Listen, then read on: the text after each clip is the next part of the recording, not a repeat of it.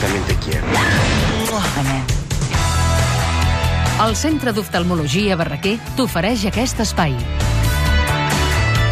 Quines pel·lis veiem? Però abans de les pel·lis, només una pinzellada, una mica de mariachi. I és que està Mariachi! molt Manuel Home. Esperón, que és l'autor de Jalisco no te rajes, Los tres caballeros, i 900 cançons clàssiques, 99 anys tenia el senyor. Jalisco Imagina't, sí, sí, Pedro Infante, Jorge Negrete, Lucha Reyes, en fi, de tot, no? Però bàsicament perquè mariachis, un cel·lista, moltes actrius, una excel·lent ah! autòrica, Angélica Lidl, i una obra que es diu La casa de la fuerza. Jo ho he vist. No ho he vist encara, però com que només es representa una vegada, mm. aquest dissabte a les 8 del vespre, i sé que està molt bé al Teatre Lliure, a la Sala Gran, doncs ja ho recomano perquè sé que és garantia total, Home, no? amb una Angèlica Lidl que, a més a més, fa de Lucha Reyes Sí. en un moment Veus? determinat brutal. Jo Veus? vaig veure la setmana passada, el cap de setmana passat a Lisboa, i vaig No, i sí flipar viatges, en eh? colors. La cosa ve d'Avinyó, i per cert, Sí, que són senyor. 5 hores gairebé, i això són 5 hores el dissabte, i el diumenge em vaig a veure el Parsifal al Liceu, que comença a les 5 de la tarda, Ostres. i dura 5 hores més, també, perquè també està molt bé. Gorina, que Sí, vas amb la maleta, no? cap de setmana explosiu, El en fi. Gorina, quan se'n va al cine o al teatre, se'n va amb la ja la maleta. veiem, ja, parlant de ballar, parlant de ballar. El Parsifal també la veuré, eh? Parsifal. Sí, també, també ens trobarem allà. No, diumenge no, jo arribo una hora Ah, tard. Sempre que doncs sí. comencen a les 7 arribo una hora tard.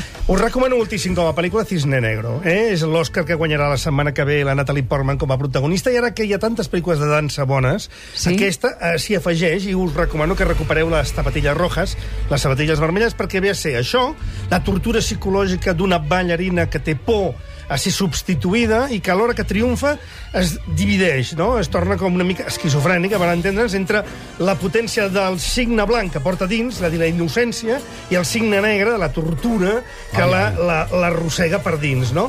I és una pel·lícula de dansa, bàs- bàsicament, d'esforç professional... Amb punyals, però- dansa amb punyals. Però, però realment impactat. I és que Darren Aronofsky, el director, doncs en sap molt de tot plegat. En fi... La dir que Sol Picó disfrutareu ballava entre cactus i aquesta deu ballar entre Entre punyals. punyals. Que- Exacte, punyalar trapera. Molt bé, cançonetes maques. Doncs jo no començo un punyal, sinó començo amb un molt bon record d'aquest cap de setmana deliciós que vaig passar a Lisboa, i no és per Ah, fer-vos sí, que han dit. És la segona vegada que ens ho diu, eh? Per Vaig això ja... començar- En 5 minuts. Vaig veure molt bon teatre, com ja us he dit, i a més a més vaig tenir una oportunitat d'or de recuperar una de les llegendes del fado de Lisboa, Carlos Ducarmo. A Lisboa, se soubesses encontrar quem te encontrasse, talvez um dia tivesses um nome que te agradasse. Ai, Lisboa, se evitasses que te chamassem à toa, talvez um dia encontrasses quem te chamasse Lisboa. Deliciós, Oh. Carlos Ho entenguis o Ducarmo. no, però es nota que està bé. És brutal. A més a més, té aquesta cosa de, de revisar grans clàssics de, del fado, ara més a prop del jazz. que És allò, entre el jazz i la cançó tradicional, amb una barreja es- exquisida, amb uns músics meravellosos. A més a més, va portar el, el Antonio Serrano, el mestre de l'harmònica uruguai que viu a, a Madrid i que és sensacional, que és un... Vaja, com, com el Tut Tillmans, però d'ara, i que a mi m'agrada moltíssim, i de cop i volta vaig tenir aquesta sorpresa. El de l'harmònica. Ah, exactament, Mhm. sí senyor. Després de 5 anys, però, allunyat dels escenaris, divendres passat, aquest que jo dic el Sinatra del Fado, Carlos Ducarmo, va tornar a l'escenari de l'emblemàtic Teatre Municipal de São Luís per oferir dos recitals únics. Realment van ser imperdibles. Jo és que vaig plorar i tot. Oh, oh, Em vaig emocionar, la veritat que sí. Torna't a emocionar ara dient-ho. No, no, perquè és que jo, bueno, com que visc la, la música la visc molt així, m'agrada molt. I quan la música m'arriba, doncs em, em desperta moltes coses i, sobretot, admiració.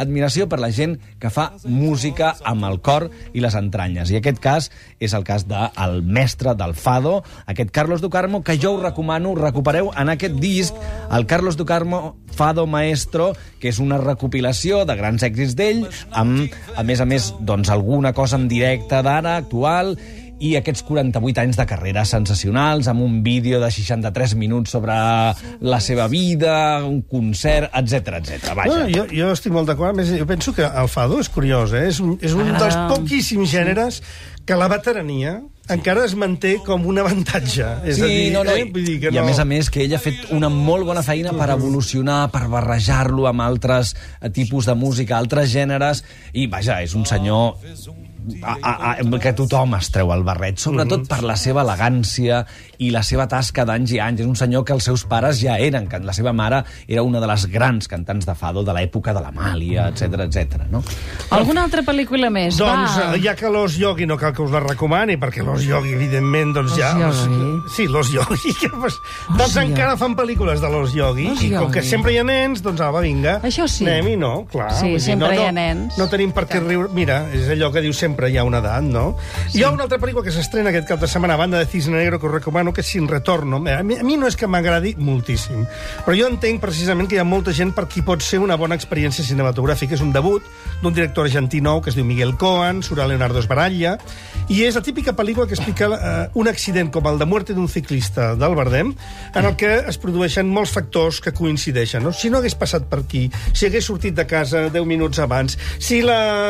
Ah, sí. Saps? Eh, És vertebra tot l'argument a partir dels atzars de la vida que fan que els moviments de diversos personatges acabin conduint que una persona que va en bicicleta pel carrer acabi morint en un accident i a partir d'aquí hi hagi les conseqüències. Una família, la culpable, o la família del culpable, que ho amaga perquè té pudor i ho pot, ho pot evitar, i que una persona que no té res a veure i passava per allà acabi sent acusat quan no té culpa de res, però tot es confabula perquè sembli el responsable de, de, del fet. I posa una mica en entredit la justícia i les conviccions en les que a vegades doncs, sentenciem les coses en la vida.